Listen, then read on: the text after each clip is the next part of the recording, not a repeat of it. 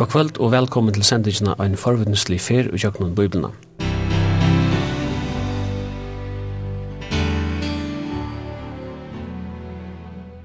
Og i studion har vi som vant, Jekvann Zakariasen, velkommen Jekvann. Ja, takk for det.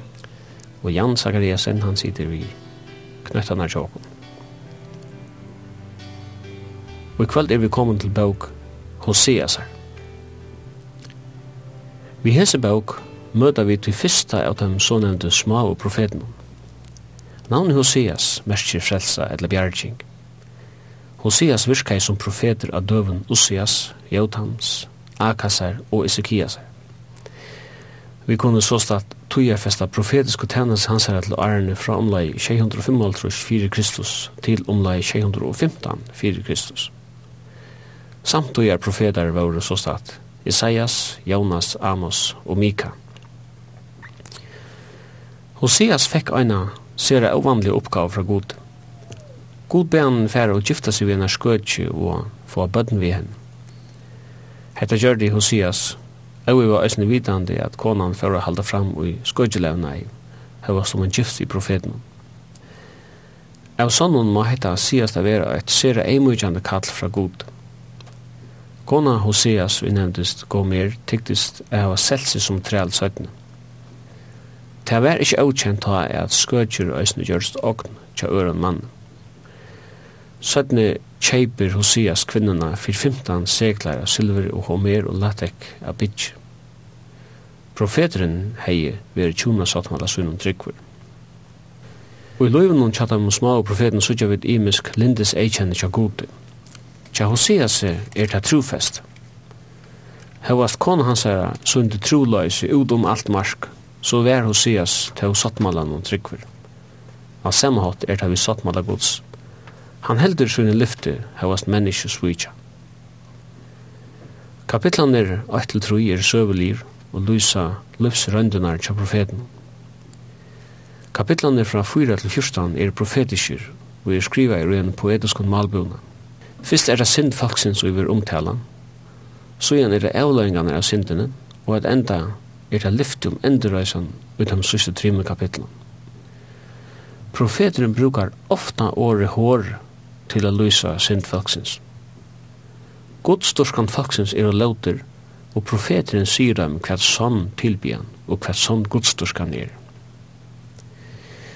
Og i ønnen åradrotte vi tar religiøse fariseerne, sier Jesus såleis øynafor. Fruskon tar var ikke lakna, men sjukon, men færre tid av sted og lære hva det er, Jeg vil ha miskunn og ikkje offer, tog jeg er ikkje komne kalla rattvis, men syndare. Her ender gjør Jesus fra profeten Hoseas. Nyrstøvan i bøk Hoseas her er at hava synd og frafall, så i faune Guds alltid åpen, omfaltje vender vi og søger herran. Nei, var negrast i Bibelen er det så innelige høyt at det frafallene faltje om å vende seg til herran, som i bøk Hoseas her. Og jeg kan heter en løgn oppgave profeten fer. Ja, absolutt. Det var ikke nevnt alltid å være profeter, og det var ikke nevnt alltid å være kattlaver til å gjøre det henne som god kattlar en til. Begge Ezekiel og Jeremias og Hoseas tar, tar jøkken og jingo og tulja nekva eh, ja, nek som var svårst ut her, för løyve. Til dømes eh, Ezekiel, han færre vita fra god til at eh, konan du innfører at dodja, medan to en tæne mer. Og det var nekka rævlig som uh, profeterna som måtte genge tjøknen. Jeremias, som var unge mever til han var kallar av god, han fikk vite at to veriverande gifter to kommer omkring det at er giftast, som eisne var svart fremman. Og Hoseas, som du sjåver nevnt, han fikk han av kone som uh, gjør det sånn åtrygg, og som eisne vold i honom nekva sorg. Så det er absolutt en, en løgn oppgave som er nu finnes, ja.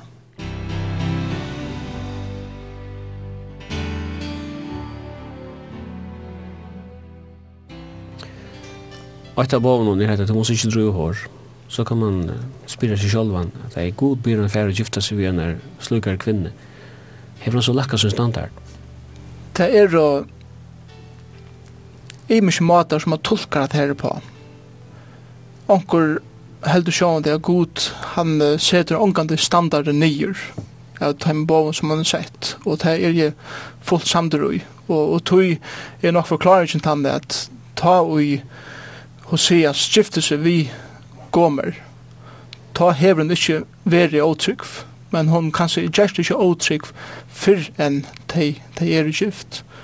Og, og god viser her at uh, ein kvinna som var gift henne mannen, ta alt var godt, men kvinnan gjøres årein, og hun gjøres åtrygg mot mannen sin, være mynd av Israel og gode, at de får inn i et man kan kalla det tjona leile, et eller samfella, hver byrjanen var god, men Israel var avtrykk i måte gode, og så leser mynden her bant. Mynden vujar er han at Hoseas fer, og han djever alt for å finne konen sin natter, og han finner henne til sølo av marskutplassen, og han kjeiper henne atter, fyrir at eh, kunne teka henne heima atter. Og så står det var kærleikje hans til konen sinne, kjolt om henne er vi åtrygg, Og til atra mynda på hvordan omedlende god elskar Israel. At han gjever alt fyrir at kjeipa Israel atter. Og, og det er sjående myndu i tog Jesus Kristus døye og krossen. Og ikke best Israel, men eisne er öll mennesker som er visna lei, som har vært åtrykk mot det gode. Det hever han det hever han just veien for å komme inn i samfunnet hvis vi sjølv han atter. Og dette, som du sier, eisne, dette viser om medalige nøye gods. Jag kan god hej kallar Hosias till att bära en boska fram och fyra kunna bära en boska fram. Så det är att man ösni hever om som man säger predika för sig själv att, att boskapen är bliven en pastor av min liv. Er hatt årsøkning til at Hosias måtte gjøre disse prosessene. Det er jo så sjøy.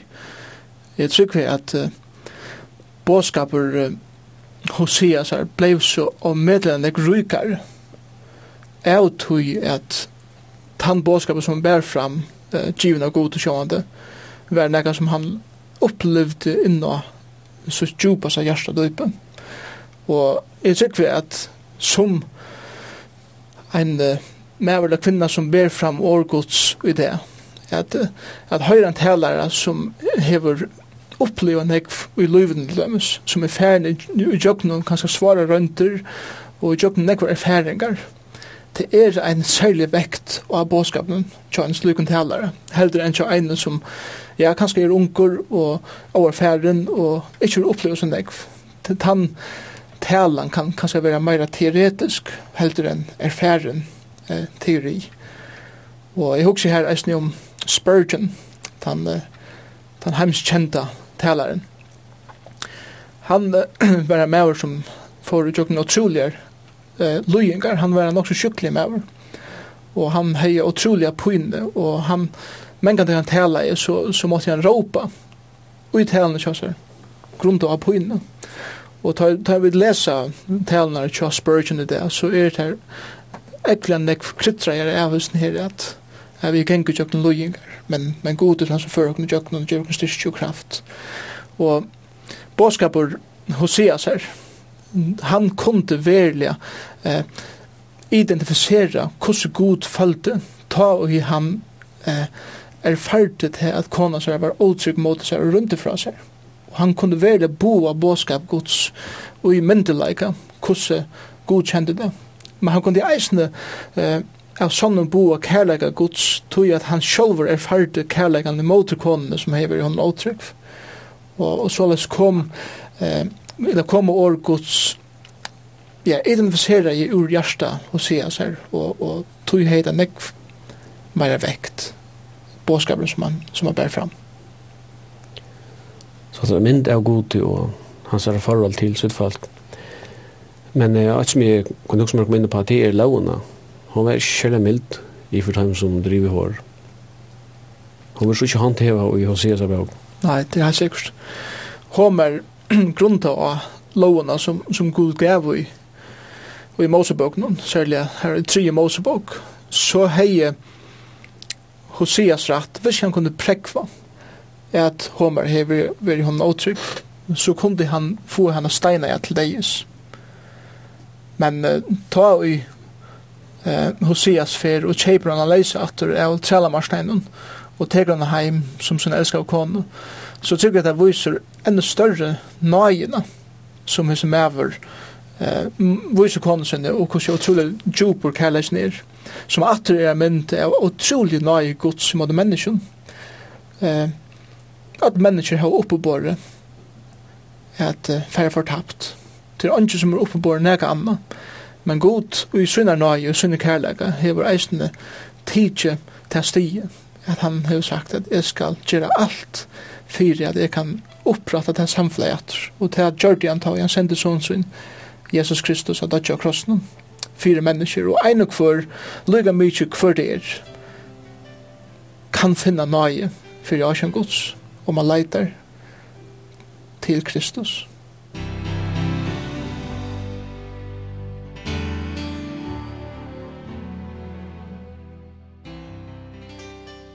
Man ser at det er en, en miskunn kan man säga som stod i djörv uppe med domen och för jag brukar ett bibelskt våra. Men jag har också med det jag kan att i Mosela och Heyman tvär husparagrafer kan man säga om hur andra vi det att göra att hvis det bara var en misstanke och inte präg hinvär hvis det tar våre handgriplig präg så var uh, straffutmalningen och sen det imiska tajmbavn tillfällen Og en av kom farserende dreande til Jesus, vi er en kvinne, og Johannes 8. Og velvidende er at tar alle våre køner i loven, så søtte der vi henne, så søtte tar vi han. Henda kvinna hever driv hår, hon er tidsen ui gjeren, vi øren åren. Det var for å precisera hver paragraf man tar seg om. Men her så gjør vi den veldig nøye at han. Ja, helt fantastisk. Og vi sørger det som en øyne som vi demonstrerer her i, i bøkene, i ser her bok, og, og, og Kristus uh, var en mester i her bønt. Han, uh, han uh, usunne nøye, bøkene som ligger og skriver i, i sanden. Og sjåan det videre, det er ikke hva han skriver i. Men uh, man kan spekulera hva Jesus skriver i, og anker helter at han bakte seg nye sanden og byrja å skriva til tøtje bøyene nye sanden. Og ta i Eh, han reiser seg opp alltur, så sier han tantikere som er åttan sind, kaster fyrsta steinen. Og her kjenner skriva at ein og ein forur her, hvor sin vi tar eldst og fyrst, og tar kanskje innså til at tar alt kommer til alt, så er det vidt i kjøren ek bedre enn konan. Allukka. Og, og Jesus viser her nøye syna.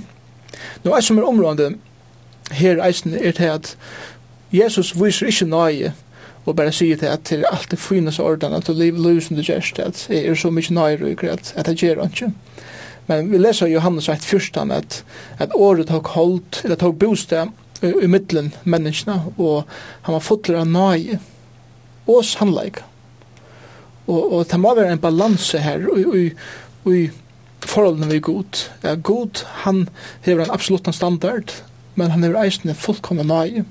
Og Jesus balanserer det opp her han, han steinar ikke kvinner til deg, han viser en nøye, samtidig som han sier, fær og synda ikke langer. Og her er det sannleggen som kommer inn. Han, han sier vi henne, jeg har vist en nøye, grunda av nøyene som jeg har vist der. Fær og liva et liv, og i regnleika. Og jeg tykker hun for oss til ombrøtt henne dagen, samtidig som farsierne for oss til, veldig hoksande om hvordan det egna liv er. Det er å si at han avslöra och dömde hycklerier av farisén utan är att uh, släga på eh låga den kröv och hela lager kan man säga. Ja. Och Jesus kände eisne bäck tankarna av farisén vi har komma till han. Där kom inte i sin egna reinleika, om man ska kalla det så, till Jesus, men där hade allt fri. jag.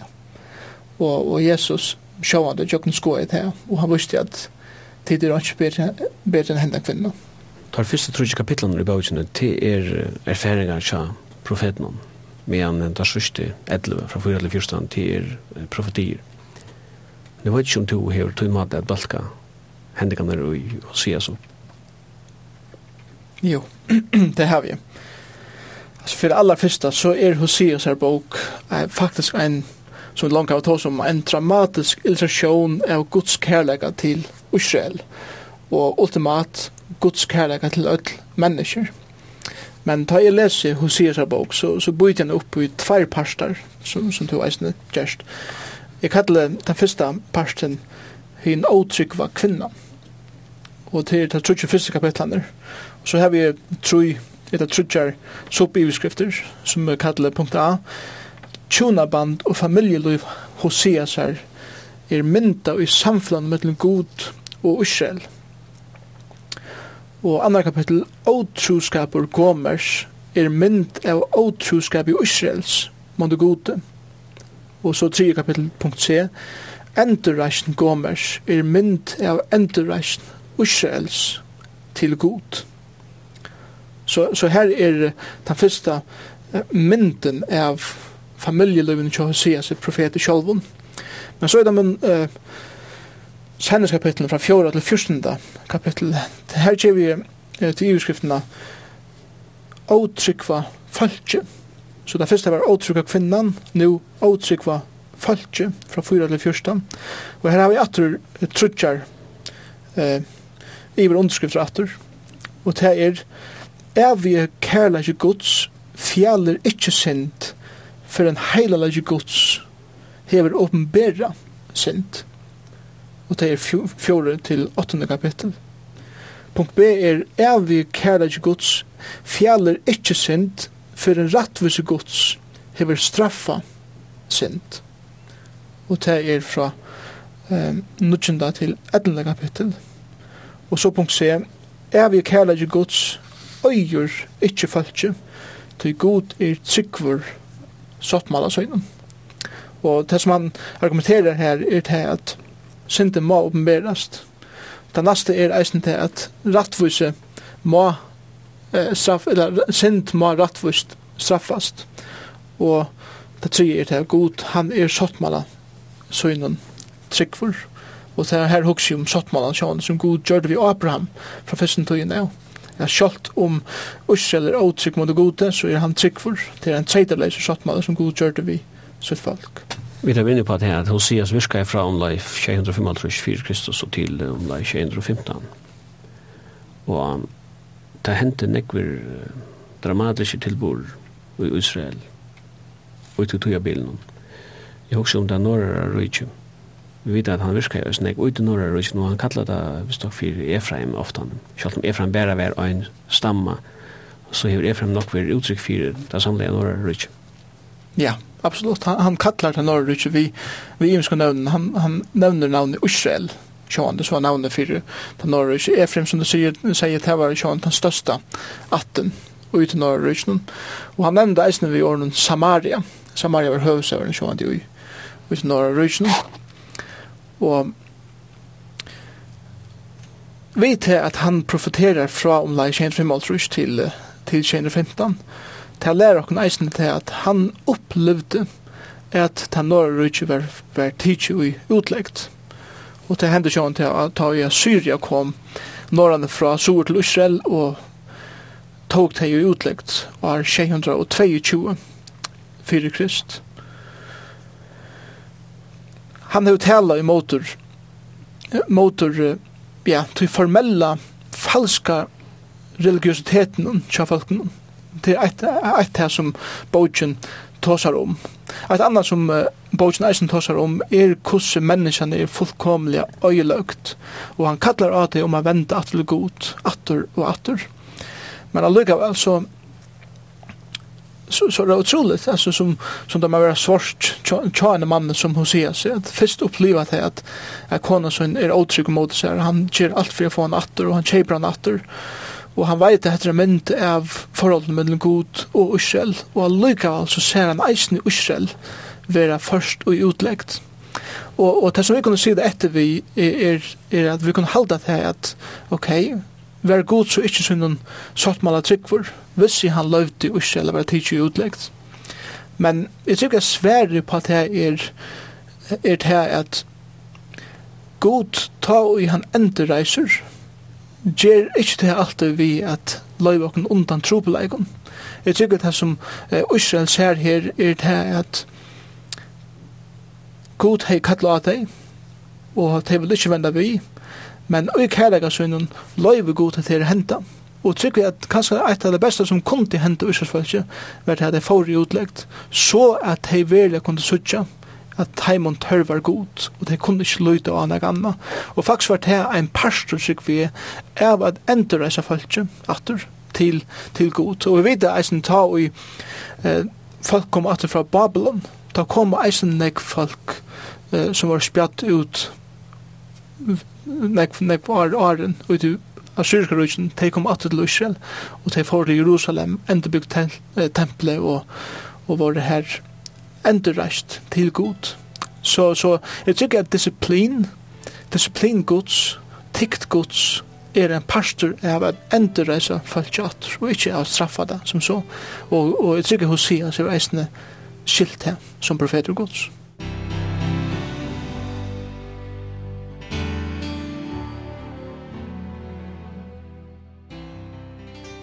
Man kan si han har upplevt øyland dramatikk, altså som uh, som en person som älskar sina tjå.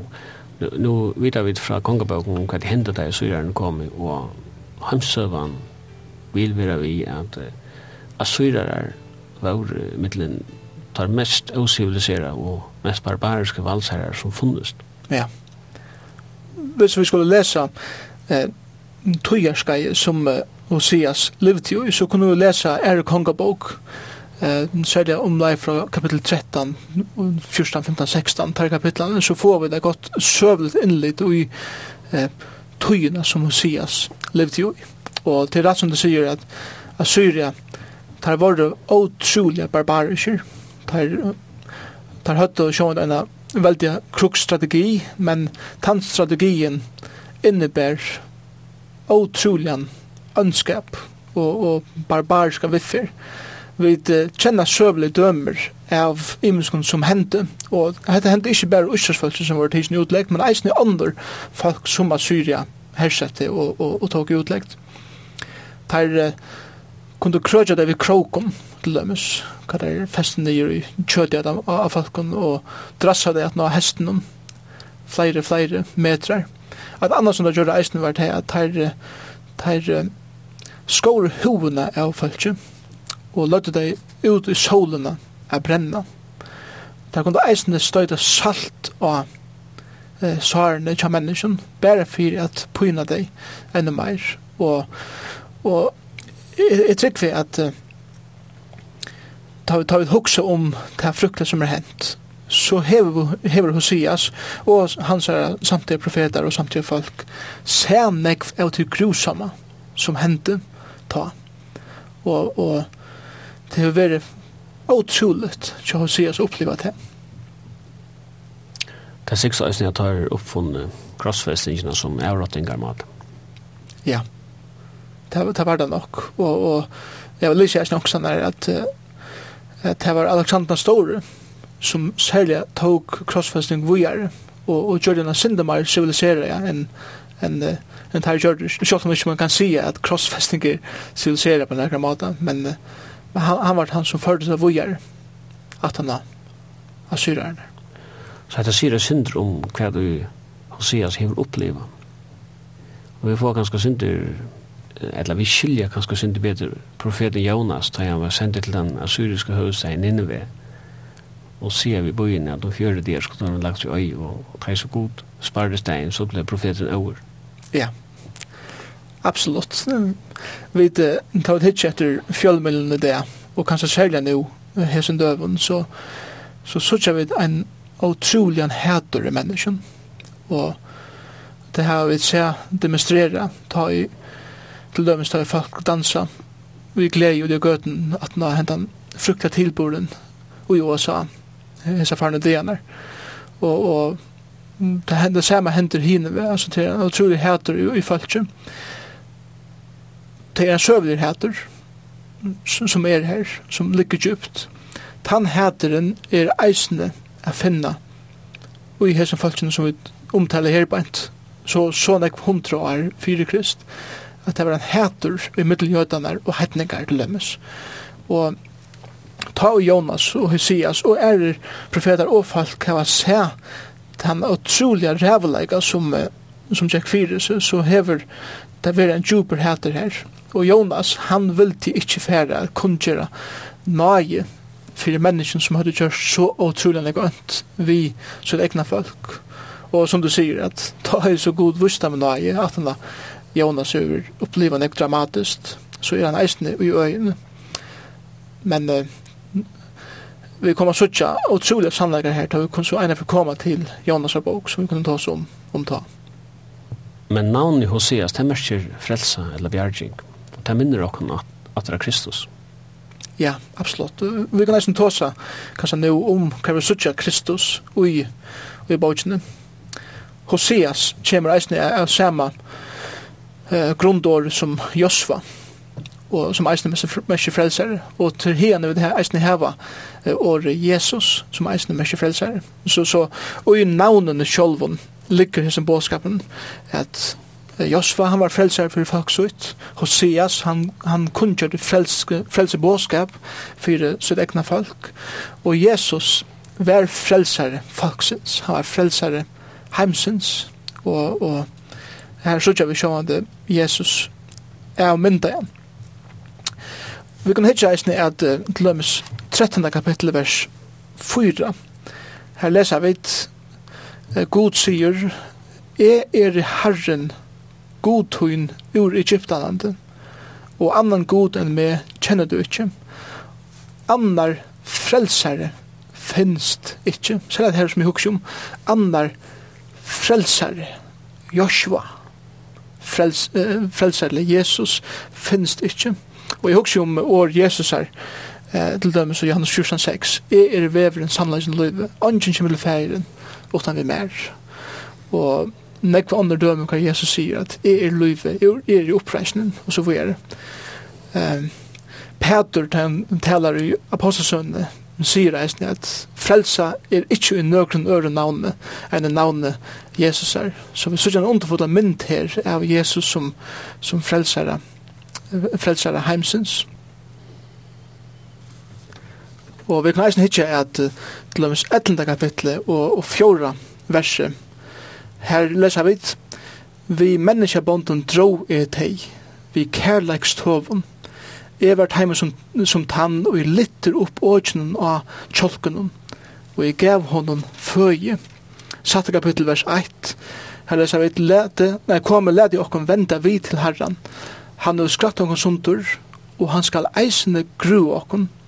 Han slå, og han skal eisne binda om tja okkom og at det er underfull sannleik her om, om kærleika Kristus her, og eisne hvordan han ender reiser. Og jeg kan ikke lære, la det være vi hukse om, ta jeg nevnte åtje herbeint. Og Jesus her i Matteus 11, vers 28, her sier han, Kom her til min ødeltid og strevast og hava tungt a bera. Jeg skal gjeva til kun tæt jo og mot at ikkon og lærja mer. Tøy jeg er spekfører og eimjukere hjertet, så skulle de finna salen til kvile, til åk mot er gagnlet, og bira min er lett. At det er fantastisk år, som, som er myndet her, god stender vi åpne ørmen mot Israel, og sier, kom til min, jeg skal, jeg skal lette åke av tjolkon og jeg skal bera dekker, jeg skal endreise dekker. Nå kommer Kristus, god sjolver nye til gjerder, og han råpar ikke bare til Israel, men til öll folk, og sier, kom til min öll tid. Og til eisen lustar som lustar det, lukka mykje hvordan støvan, så at her er öll tid strevast og tungt a bera, og hvor er ikke tungt a bera og i hessen døven. Jeg skal djeva tikkum, mer stress? Nei, ikke mer stress. mer byrar, Nei, ikke mer byrar, Jeg skal djeva tikkum kvile, sier han Jeg skal gjøre til kvile. Det er ikke også mye at jeg kunne lære mer. Og det som jeg lærer dere her er til at vi røyner som mengan at bæra okkar egnu byrar, vi røyner som mengan at klara okkar sjálf, og vi skulle nok klara det utan hjelp fra noen øron. Og det som Jesus sier her, ta alt som til alt, så er det ikke før for jeg bæra byrar noen tog jeg det gjør så tungar. Det er ikke åk mot, det er det er det som er gagnlett, og byra mye løtt, lyti av meg, kaste bira tekkar av meg, kom til mun, og jeg skal gjeva tekkar alt som tid heva bruk fyrir. Og måtte hette vi bådskaperen først og fremst til han som enn ikke kjenner herren Jesus som sin frelsare. Kristus råpar til det, og han sier at alt er gjørst, fyrir at du kan få tunna sindi fyrir fyrir at du kan komme inn i forhold og et innerlig samfla vi med sjálvan. Og han råpar eisne av mennesker som kanskje kjenner herra Jesus, men som er visna av lei, som kanskje røyna sjálv, og han sier minnest at jeg er han som ber dykon, og er han som fører dykon i djøknen. Og, og, og tog er en underfull mynd av, av Jesus her bænt, som råpar av okon, jeg elsker dykon, jeg fører dykon i djøknen, jeg lytter dykon, opp om alt.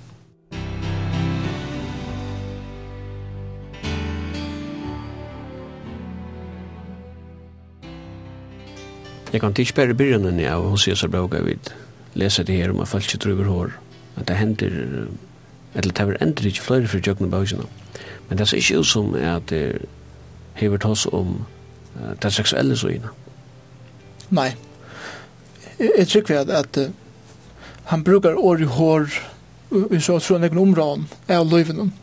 Og her hokser jeg bæg om til moralska løyven og ikke om til andalige løyven. Mm rent moral så, så vær sjående seksueller og levnaver eisne en parster av tog. Men jeg husker eisne at det var nekva anna som tjekk fyrir seg ui tjåne om man ser togina. Det var eh, til, til dømes, eit av det som tjekk fyrir vidar vid rent søvliga var det at de og kua av de fatak. De og bøndener ku av arbeidsmannen, og, og nek snuit og bedre tjekk fyrir seg, og, og det var eisne et slæ og hår. Eh, rent andalega, håret som tjekk fyrir seg her, vær til dømes eh, avkoda dyrskan, at menneskene hadde vent seg fra til eina god til flere godar, og de tilbå heitna godar, eh, vevergodar og er det goda fyrir å få mer grøye og så videre, og, og det spilte folk ikke fullkomlig, og så lær seg god at, at tid, tid driver hår og i måte mer. God var ikke ahu av røy og suttja utvendig religiøsitet til folk kommer ut tempelet at offra kreatur og så videre. Ta og i tarra innar menneska, innar liv, eh, reflektera i helt nek anna at medan de levde i olavnei, så rønde det at heva et såkalla forhold vi god. Og god sjåan sko i kjøkken til, og god er større, eller meira ahu over ui luttene, først og fremst, enn han er i offren. Og, og det er et prinsipp som han leier nyr til Saul, var hun åtrypper. Og det er samme her, god sko i jokken, alt det her, og han kallar det her fyrir hår. Da vi så kom ut av kapitlene fra fyra ut etter, så sykja vi ut syndene til falskjennom. Og vi sykja det at Gud han gjør opp for synden, eller han refsa syndene. Man kan spira seg, ja, men kan han ikke bare brivet ham? Hvor nøys han refsa syndene? Ja, at det er en områdende spurninger. Og jeg tar jeg nevnte i utskriften av Johannes, så sier jeg til dem at er vi kærlig gods, fjallar ikke synd, fyrr en heila lege gods hever oppenbera sint. Ta i Paulus sier i Rombraun 3, 23, ötla var sinta og ta med fattast dord gods til dømes. Ta sier han til at god hever nekkar egenleikar, nekar eikjenne. Eit at han eikjenne er heila leikje. Det er at god hever en perfektan og fullkomna standard eh, som alt må matas etter standard standardgods er malsaker som alt annat man matast bättre. Og synd eh, eller man ser ikke hvordan alvorlig synd er fyrir hon kommer til kjøntar immun til malsaker som god har sett. Og, og god har sett en malestokk og sier sias viset her i bøkene og han viser at falskje eh, fettler ut hui. Sommerleis tar Paulus sier at öll av synd og de fattar stort gods Det som han sier her er at synd gjør til at vi nå og ångkant i okker egen kraft opp til den standarden som Gud har sett. Og tog er alle mennesker eh, syndarer. Nå, til heila leik gods. En annen an, an, an, iverskrift som jeg tar seg eisen om er at er vi kærleik ikke gods, fjaller ikke synd for rettvis gods hever straffa synd. Så et etkjenner heila leik, et annet etkjenner er rettvis god, er en rettvis god. men han er eisen kærleiksfotur. Men jeg tykker at kærleikin kommer til skjøntar og i ljósen av heilaleika og rattvise gods. God er ikke en god som sier gott er. Jeg elsker det kun, og tog sett i rattvise min og heilig min til suyes. Det gjør han ikke. Man sier at jeg fyrir gjerra nekka fire at rattvise min kan være møtt. Rett søvelig vært han rattvisen møtt. Ikke av menneskjen, men av gode sjolven. Og, og det var ta i god sjolver kom til gjerrar, at som vi gjør når han, at nøkta til rattvisene som han kravte, og det var til at han kravte at blå skulle flåta fyrir sint, og det var hans egna blå. Så, så man kan godt si at det er god døye fyrir bjerg fra gode, kan man godt si. Kærleikje gods kom til, kom til kjøntan fyrir bjergkokken fra rattvus og heilalega gods. Og, og såleis tog god domen opp hans sjolvan og såleis kundi han vysa kærleika sin nøye søgna mot menneskjon og si at omtid tryggva at det versk og kvile ut i versk som Kristus og av krossen så er, er, er tid fjallt ui kærleika munnen tog at mun heilalega er møtter og eisne mun rattvus er nøkta og vi kunne standa til i ljósen av kærleika gods. Det er altså vi tar trutjar egenlagar som god han er, du nevnte, heilaver, han er rattviser, og han er naiver. Ja. Uh, hvis man understryker ein av hans triven egenlag, og på bekostning av en øren, så kan man kjøtt få å skaffe godsbøylet. Ja, absolutt. Og, og tyverre leser jeg bøker som, som gjør det. Og vi, vi må sutja allar så tror jag är som fullkomnar och tar tar standa i ljusen av kvar nörden. Där kan inte där kommer inte standa kvar sig. Där måste standa samman och så att få den rätta mynd är och gode. Jag läser en av mig som nämnde det här att eh, som fall är uppfärdig god som en lögregleman. Han var alltid klar att halda det och rätt. En annan människa tätt uppfattande god vär som en jolla med. Han bytte ut det kanskje kjemer fra til sammen at man ividimensionerer en egen på bekostning av øren. Ja, jeg halte det. Det vil si at høyre løyge gods, rettvise gods og nei gods kommer omgang i konflikt med hverandre. Nei, omgang du. Jeg kan ene for en året drott vi fariserende ta citerer Jesus fra Hoseas profet. Ja, absolutt. Han citerer fra Sanna kapitel vers 6 God sier, til jeg vil hava kærleika, og ikkje sladra for. Jeg vil ha kunnskap om god, og ikkje brenni offer. Og dette viser å hvordan nekv større tøtning religiositeter hei bei fyrir farsierna som Jesus tåsa vi og er som vi falt fram om et verde samfella vi god og og det som jeg kjente folk som sier seg til var det at de de hadde at eite for å være godsøttende de kom i tempelet vi slater offren og brenne offren og alt så utvendig ut til at være godt og, og hvis man hukte etter dem så var det kanskje trygg for møtegengere og det var trygg for kyrkjegengarer, og det var trygg for tempelen, og de offra, og de gjør det hattar, og gjør det hitt, fyrir at så gjør det som de, de var aktiv, religiøs folk.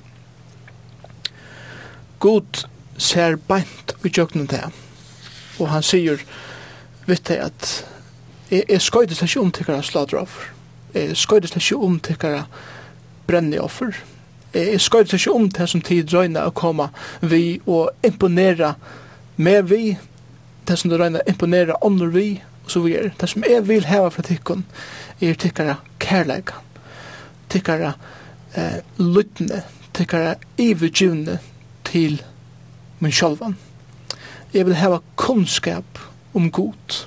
Og at han sier at her, trygg ikke mener best vi at heva intellektuellan kunnskap, men han tar seg om at heva intellektuellan, kjenslebornan og avvoksa rykan kunnskap om god. Kunnskap om god byrjar sjående vi intellektuellen, at jeg må, jeg må ha vitan om god for jeg skilja hver han er, hva han har gjørst, og så videre. Arne kan få den i hjertet, og så vil jeg skilja det vi kjenslen, at, at det er for meg som han har gjørst alt.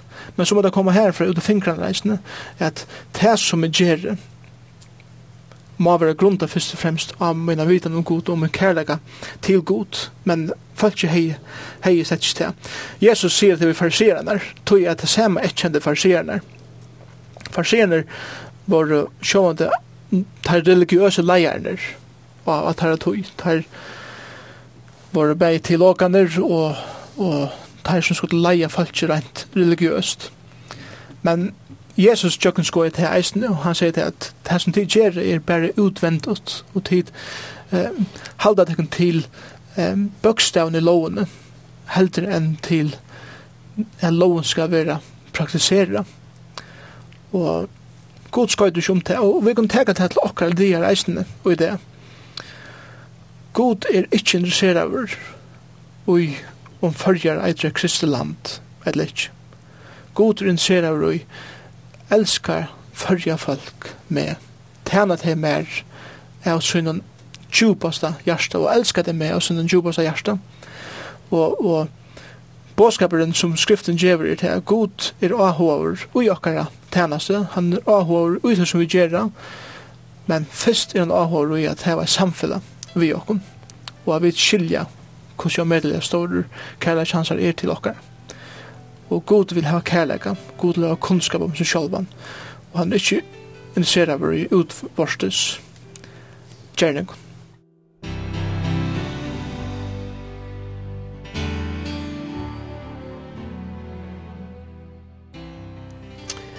Og i enden av bøkene tar jeg god hever refsa syndene, og man kan si til han har borster, så for han, og han endur røyse falskje, det ser ut som han er jo ikke bare bjerga falskje noen, fra syndene, men han østen bjerga dem fra syndaren er valde.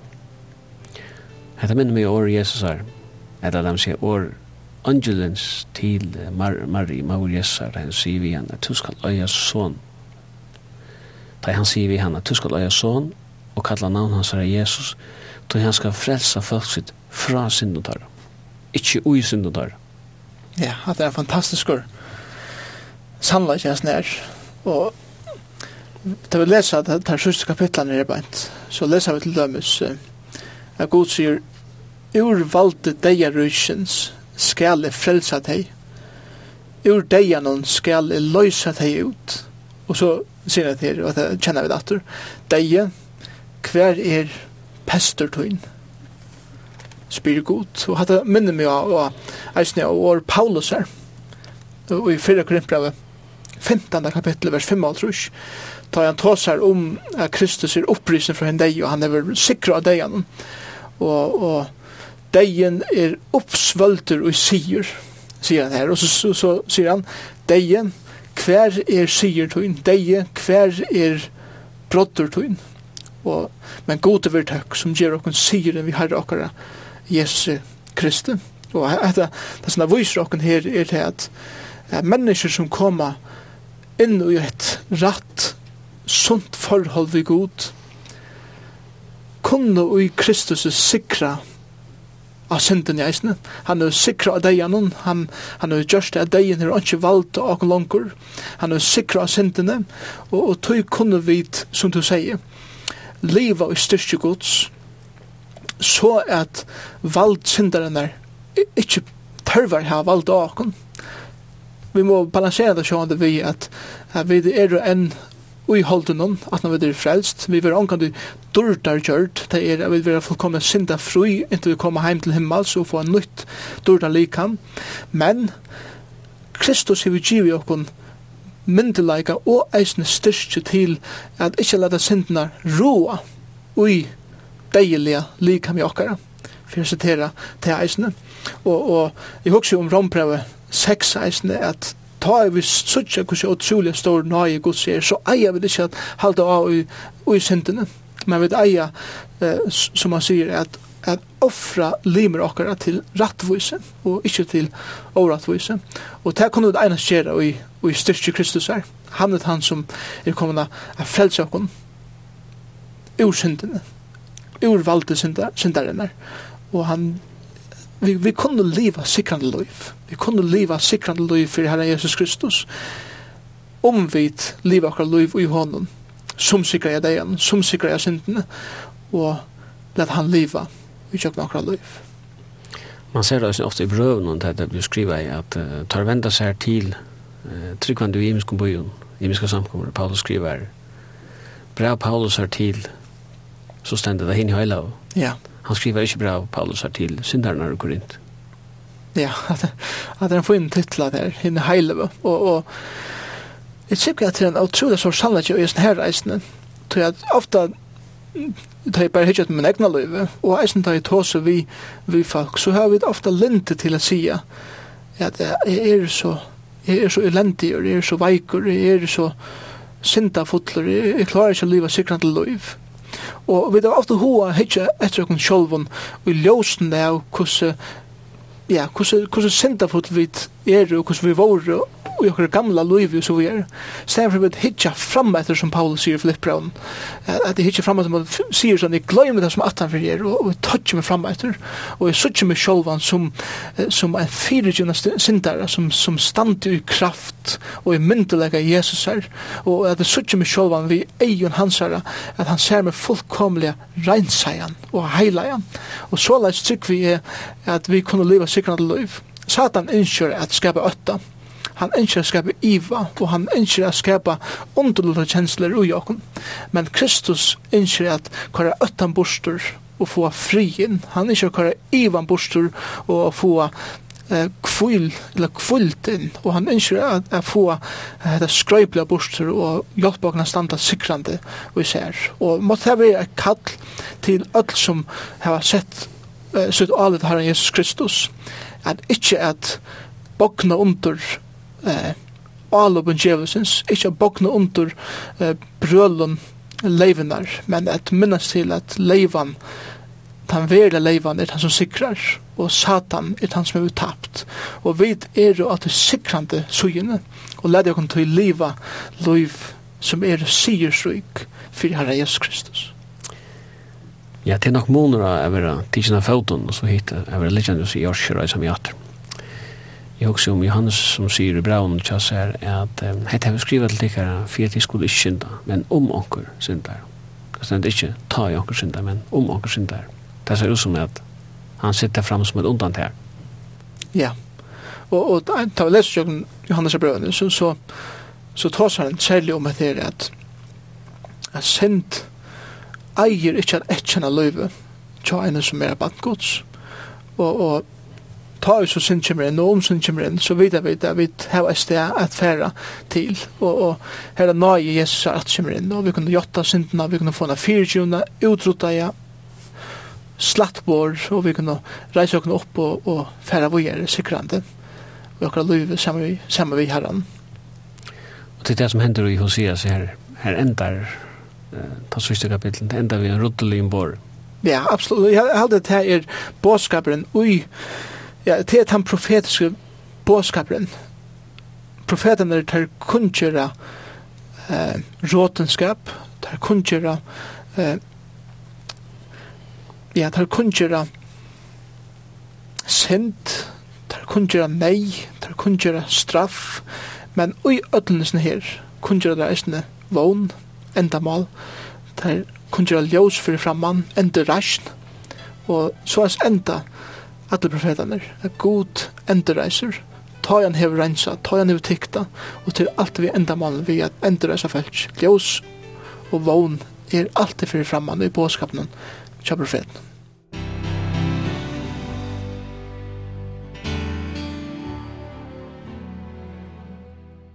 Og vi har snart fyrir vi til å takk for åkken nere i kvöld. Og verster sendingen var Jesu Imen Absalansen, gestur var Jekvann Zakariasen, og tekniker er Jan Zakariasen. Og jeg skal til så sige fra er at sendingen av en farvendelslig fjergjøkken på Ibn Håndar Høyra i lindene er kvart mye kveld klokka 19. Takk fyrir.